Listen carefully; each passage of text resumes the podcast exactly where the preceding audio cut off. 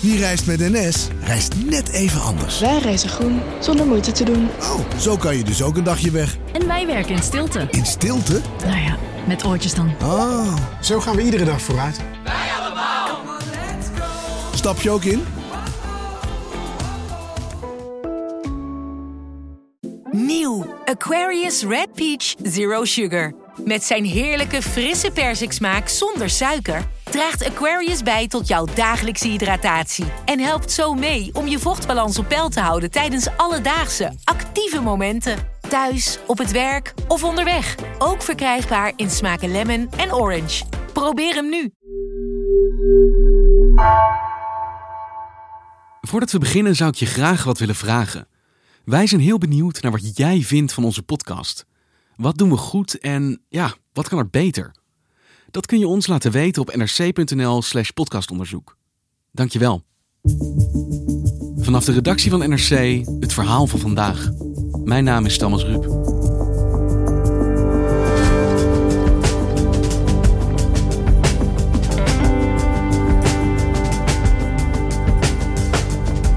Tweeënhalf jaar gevangenisstraf omdat je een videoclip van een rockband hebt getweet. Jaren huisarrest vanwege het bekladden van een gebouw. In Rusland is dit aan de orde van de dag. Een nieuwe golf van repressie raakt vooral activisten, journalisten en jongeren, ziet correspondent Eva Kukier. En ook zijzelf krijgt daarmee te maken.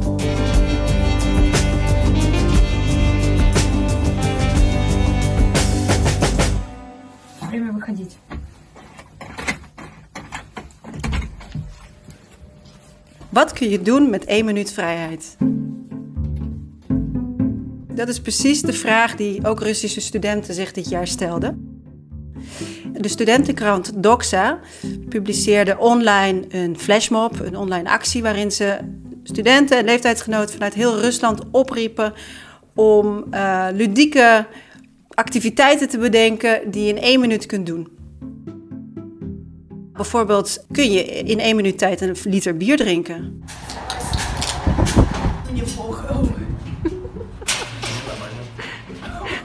30 секунд. Осталось 30 секунд. Dat bleek niet iedereen te kunnen. Of eh, kun je heel vaak wij zijn doxa scanderen.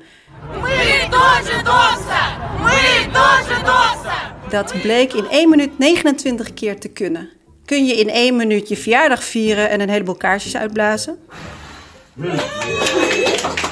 Maar er was ook een meisje die probeerde in 1 minuut een shashlik te eten. Zo'n Russische spies met vleesstukjes. Spies. Zo waren er een heleboel totaal absurde filmpjes die eh, op Inst- Instagram werden gezet, eh, waarin eh, jonge Russen gehoor gaven aan deze actie. Hey, en waarom doen mensen dit? Ze doen dit om de studenten van studentenblad Doxa te steunen. Dit jaar werden vier studenten van het blad werden gearresteerd. Ze werden s ochtends van hun bed gelicht en opgepakt. En uiteindelijk kregen ze eh, via een rechtszaak kregen ze huisarrest, waarbij ze één minuut per dag naar buiten mochten. Eén minuut. Ja, tussen 23 uur 59 en middernacht. Hey, en wie zijn deze studenten en waarom werden zij gearresteerd? De zaak van Doxa draait om vier Moskouse studenten die allemaal lid zijn van een studentenredactie van een heel populair eh, studentenmagazine dat heet Doxa. Doxa is een liberaal online studententijdschrift in Moskou. En eh, ze begonnen in principe als puur academisch tijdschrift met allerlei filosofische en academische onderwerpen.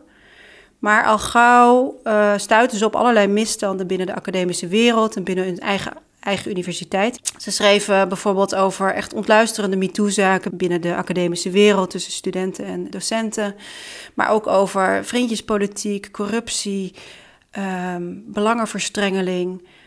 En ook over de toenemende intimidatie van eh, ja, politiek geëngageerde studenten. En kunnen ze dit allemaal ongeremd doen? Eh, in eerste instantie wel. Maar dit jaar kwam Doxa in de problemen toen ze in januari een video eh, publiceerde online. Waarin ze studenten op het hart drukken om niet bang te zijn om hun mening te laten horen. Doxa die had, die was erachter gekomen, die had eigenlijk van studenten in heel Rusland meldingen gekregen dat ze ja, last hadden van een bepaalde vorm van intimidatie. Dat ze e-mails kregen van faculteiten en van besturen van, van hun eigen universiteit. Waarin ze werd gewaarschuwd dat ze niet de straat op moeten gaan. Omdat ze wel eens van de universiteit gestuurd kunnen worden als ze deelnemen aan anti-regeringsdemonstraties. Uh, of dat ze hun carrièreperspectieven in gevaar brengen. In die video uh, hoor je vier studenten, vier redacteuren van de krant. Die zeggen: Maak je geen zorgen, demonstreren is je grondrecht. Um, ook al waren de, de anti-regeringsdemonstraties door de autoriteiten verboden. Uh, je moet niet bang zijn om je mening te laten horen. Kort daarna kregen ze een brief van mediawaakhond Roskomnadzor. Dat is een instantie in Rusland, een overheidsinstantie die zich bezighoudt met de controle van de media en van het internet. Waarin stond dat ze die video uh, direct moesten verwijderen, omdat die op een zwarte lijst was gezet met uh, verboden extremistische uitingen. De reden die Roskomnadzor aangaf in hun brief was dat de video's minderjarigen zou oproepen tot deelname aan illegale acties. Daarom moest die video verwijderd worden. En dat hebben ze keurig gedaan. En daarmee had de kous natuurlijk gewoon af moeten zijn. Ja, want ze luisteren. Maar dat was niet zo, want uh, drie maanden later staat ineens op een hele vroege ochtend uh, bij vier van de redactieleden die in de video te zien zijn, een arrestatieteam uh, voor de deur die, de, die, die een inval doet. En die vier jongeren van hun bed ligt, waar hun ouders bij staan en de buren bij staan. Dat ging er allemaal niet heel erg zachtzinnig aan toe. En ze kregen geen verklaring op dat moment. Er, kwam, er komt dan gewoon een, een arrestatieteam komt binnengevallen. Doen ze altijd heel erg vroeg, zodat je er ook niet op kunt voorbereiden. Zodat iedereen, hè, zodat je mensen echt overvalt. En uh, pas uren later werd duidelijk wat de aanklacht was. En dat was die video, die iedereen eigenlijk al lang weer was vergeten. En dat ze meteen die video verwijderd had op het moment dat dat van hem werd gevraagd, was dus niet genoeg. Ja, dat doet dan op dat moment gewoon niet meer zo ter zake. Je ziet dan dat er een zaak wordt opgezet waarbij oude gebeurtenissen of oude overtredingen of aanklachten ja, opnieuw erbij worden gehaald om mensen vast te zitten.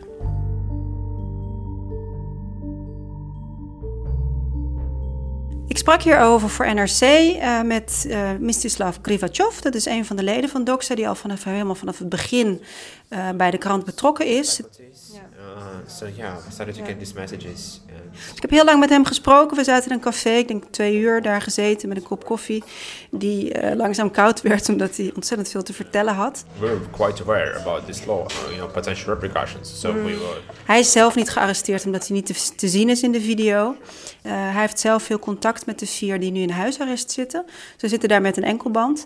Maar ze mogen wel uh, in principe wel bezoek ontvangen. Dat vertelde Mistislav mij allemaal hoe dat in zijn werk ging. Dat hij bij zijn vrienden op bezoek ging. En ook dat hij boeken bracht om te kunnen studeren. En uh, nou ja, ook gewoon voor de gezelschap. Want het is natuurlijk best wel heftig als je zo lang in uh, huisarrest moet zitten en niet naar buiten mag.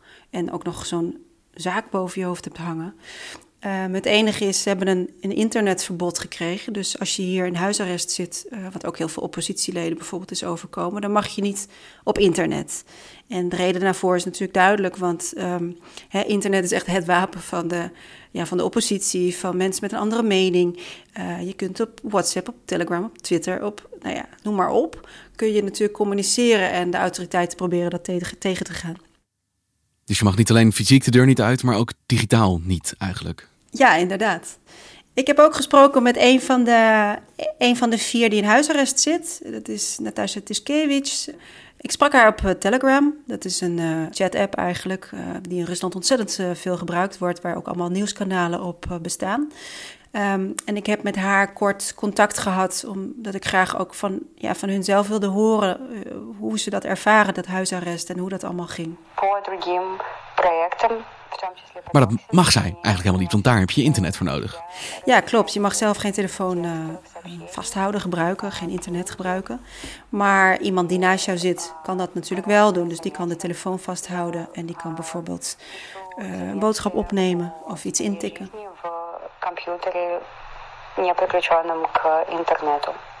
Uh, ze vertelde me dat het nu eigenlijk wel wat beter ging. Uh, sinds die één minuut vrijheid die ze in eerste instantie hadden, zijn ze in beroep gegaan. En nu mogen ze twee uur naar buiten, s ochtends. Of van tussen acht en tien mogen ze naar buiten.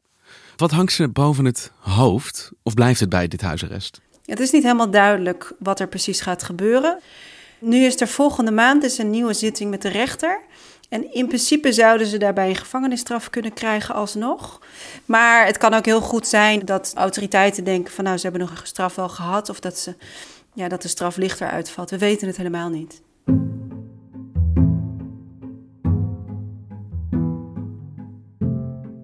Deze studenten zijn zeker niet de enige in Rusland. Eh, we zagen de afgelopen drie maanden een soort nou echt een golf van arrestaties en veroordelingen, rechtszaken.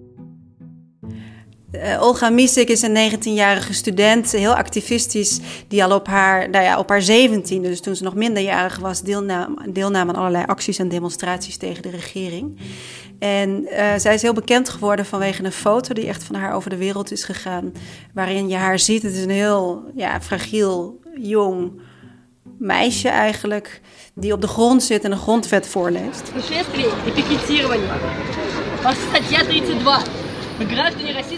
En op de achtergrond zie je allemaal oproerpolitie die om haar heen staat. En vorig jaar is zij opgepakt bij een actie die zij deed met twee vrienden. Waarbij ze het uh, Russische OM, dat is het OM in Moskou, uh, heeft beklad met rode verf. In een soort aanklacht ook tegen al die politieke zaken die nu in Rusland uh, aan de gang zijn.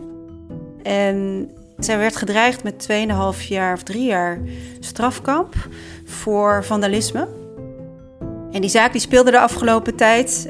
Um, en daar is veel om te doen geweest. Ook omdat, ja, omdat de aanklacht en de, zeker de strafmaat die zo iemand boven het hoofd hangt, helemaal niet in, um, in verhouding staat natuurlijk met het, met het delict. Ze heeft verf op een muur gespat. Dus ook hier weer eigenlijk een hele kleine daad met hele grote potentiële gevolgen.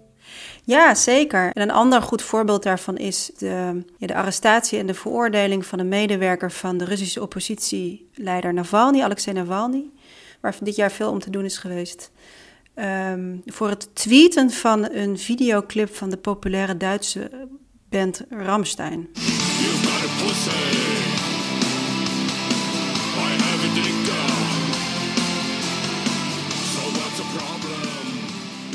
In, in 2014 tweette hij deze clip. En zeven jaar later wordt hij alsnog, vanwege die tweet, wordt hij veroordeeld tot 2,5 jaar strafkamp voor het verspreiden van pornografisch materiaal. Maar het is één tweet van een videoclip zeven jaar later en dat leidt tot een veroordeling tot 2,5 jaar strafkamp.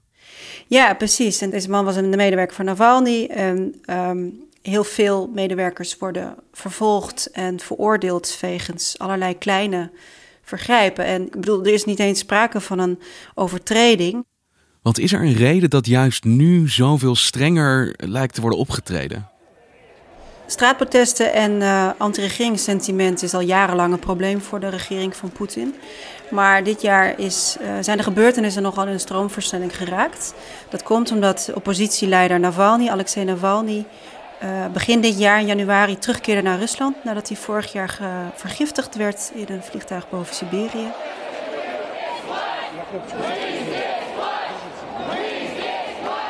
Hij is veroordeeld tot 2,5 jaar strafkamp. En tijdens zijn eerste verblijf, nu in een strafkamp niet ver van Moskou, is hij een hongerstaking gegaan. Hij is bijna overleden en dat heeft bij zijn aanhangers toegeleid om eigenlijk per direct een grote demonstratie af te kondigen. En dat is natuurlijk zeer tegen de zin van Poetin. En uh, het uh, politiegeweld is daar ook naar. Je ziet dat mensen echt uh, van straat worden geveegd, met bosjes, politiebusjes in worden gewerkt. Er komt veel geweld bij te pas. Ja, het is toch wel erg schokkend wat je dan ziet. En moeten dit soort arrestaties op basis van schijnbare onbenulligheden als een soort waarschuwing dienen? Van kijk, dit is wat er gebeurt als je de straat op gaat nu? Ja, absoluut. Uh, zeker ook waar het jongeren betreft. Uh, de regering wil heel duidelijk laten zien: uh, pas op als jij de straat op gaat, als je je aansluit bij die oppositiebeweging, dan zullen we achter je aankomen en dan zullen we je, je het leven heel erg zuur maken. een paar jaar geleden zijn, was een jongen is er veroordeeld voor het jagen op Pokémons. En hij ging Pokémons jagen in onder andere in een kerk en werd opgepakt en vervolgd daarvoor Gisteren is er bij een demonstratie hier in Moskou een stripfiguur opgepakt. Het was een man die is verkleed als een bekende Russische stripfiguur werd afgevoerd. Je moet eigenlijk de hele tijd lachen als je niet zo hard zou moeten huilen. En ben jij zelf ook bij dit soort demonstraties geweest? Ik was zelf op 21 april was ik, uh, in een provinciestad ten noorden van Moskou om de demonstratie te verslaan die werd, uh, in heel Rusland werd afgekondigd voor Navalny, die op dat moment er fysiek, medisch heel erg slecht aan toe was, dus vanwege zijn hongerstaking. Dus was ik in Jaroslavel op het plein en daar ja, praatte ik wat je, wat je dan doet. Je praat met demonstranten en niet alleen met anti-Poetin, mensen tegen Poetin zijn, maar ook mensen die voor Poetin zijn. Ik sprak daar onder andere met een uh, met jonge jongen. Hij was met twee vrienden en ze waren begin twintig en ook naar dat plein gekomen. Om hè, voor hun eigen vrijheid, ook voor die van Navalny. Не только Навального, а нас всех ну, репрессировать по, по малейшему поводу. En hij zei ook heel duidelijk, zoals heel veel mensen zeggen: we staan hier niet omdat we Navalny politiek steunen of omdat we hem als president van Rusland zien, helemaal niet. Maar wel omdat we zijn strijd voor de grondrechten en voor de democratie steunen. En um, tijdens dat gesprek werd ik uh, ineens op mijn schouder geklopt door uh, twee, drie agenten. Die zeiden, wie bent u, wat doet u hier?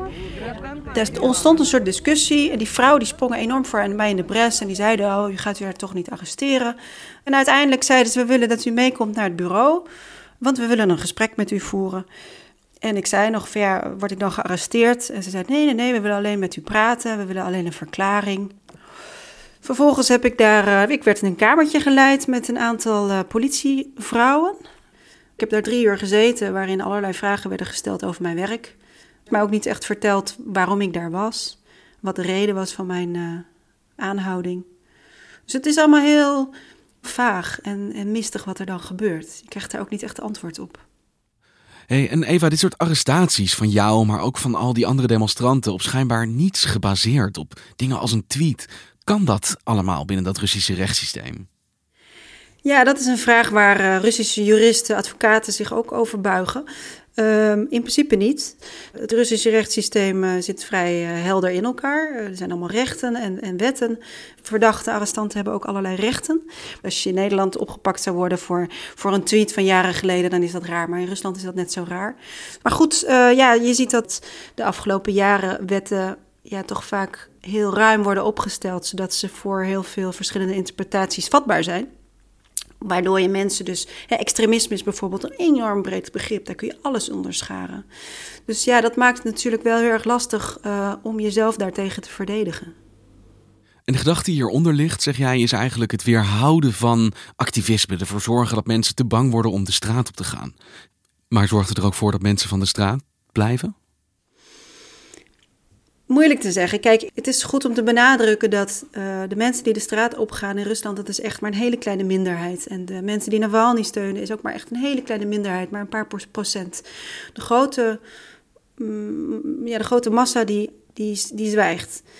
Maar toch zie je dat juist door dit soort gebeurtenissen en door deze repressie, dat er bij demonstraties veel meer Russen nu komen die er vroeger niet waren. Dus dat mensen toch ook een beetje wakker worden voor die uh, gebeurtenissen. En toch ook dus een hele grote groep, met name ook jonge Russen, die hele grote risico's nemen door toch te blijven gaan. Ja, en willens en wetens. Want Russen, hè, ze, zijn, ze zijn niet naïef. Ze weten heel goed uh, in welk land ze leven en uh, waar ze mee te maken hebben. En toch riskeren ze inderdaad, of in ieder geval een klein gedeelte riskeert uh, ontzettend veel.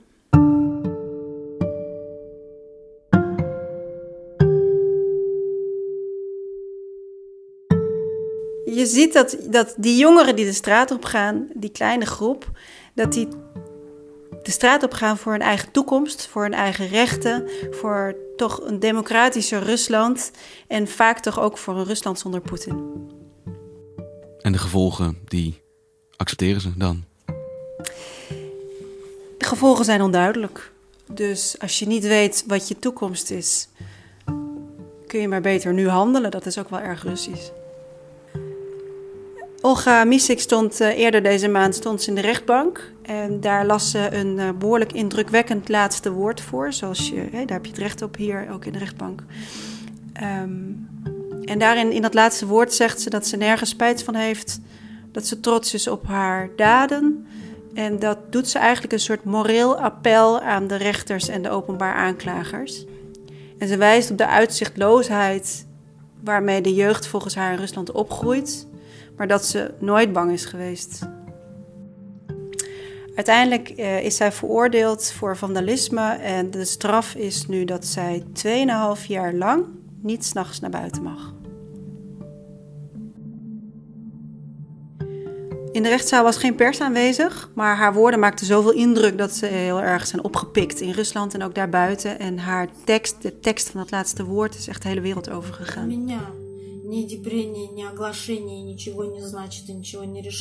Ik heb al lang geleden besloten aan welke kant ik sta. Nu moeten jullie beslissen welke weg jullie inslaan. U vonnis niet mij, maar uzelf. Изнутри фашистского режима он никогда не выглядит фашистским. Кажется, что это Dankjewel, Eva. Graag gedaan, Thomas.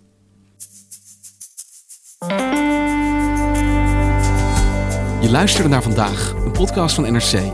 Eén verhaal, elke dag.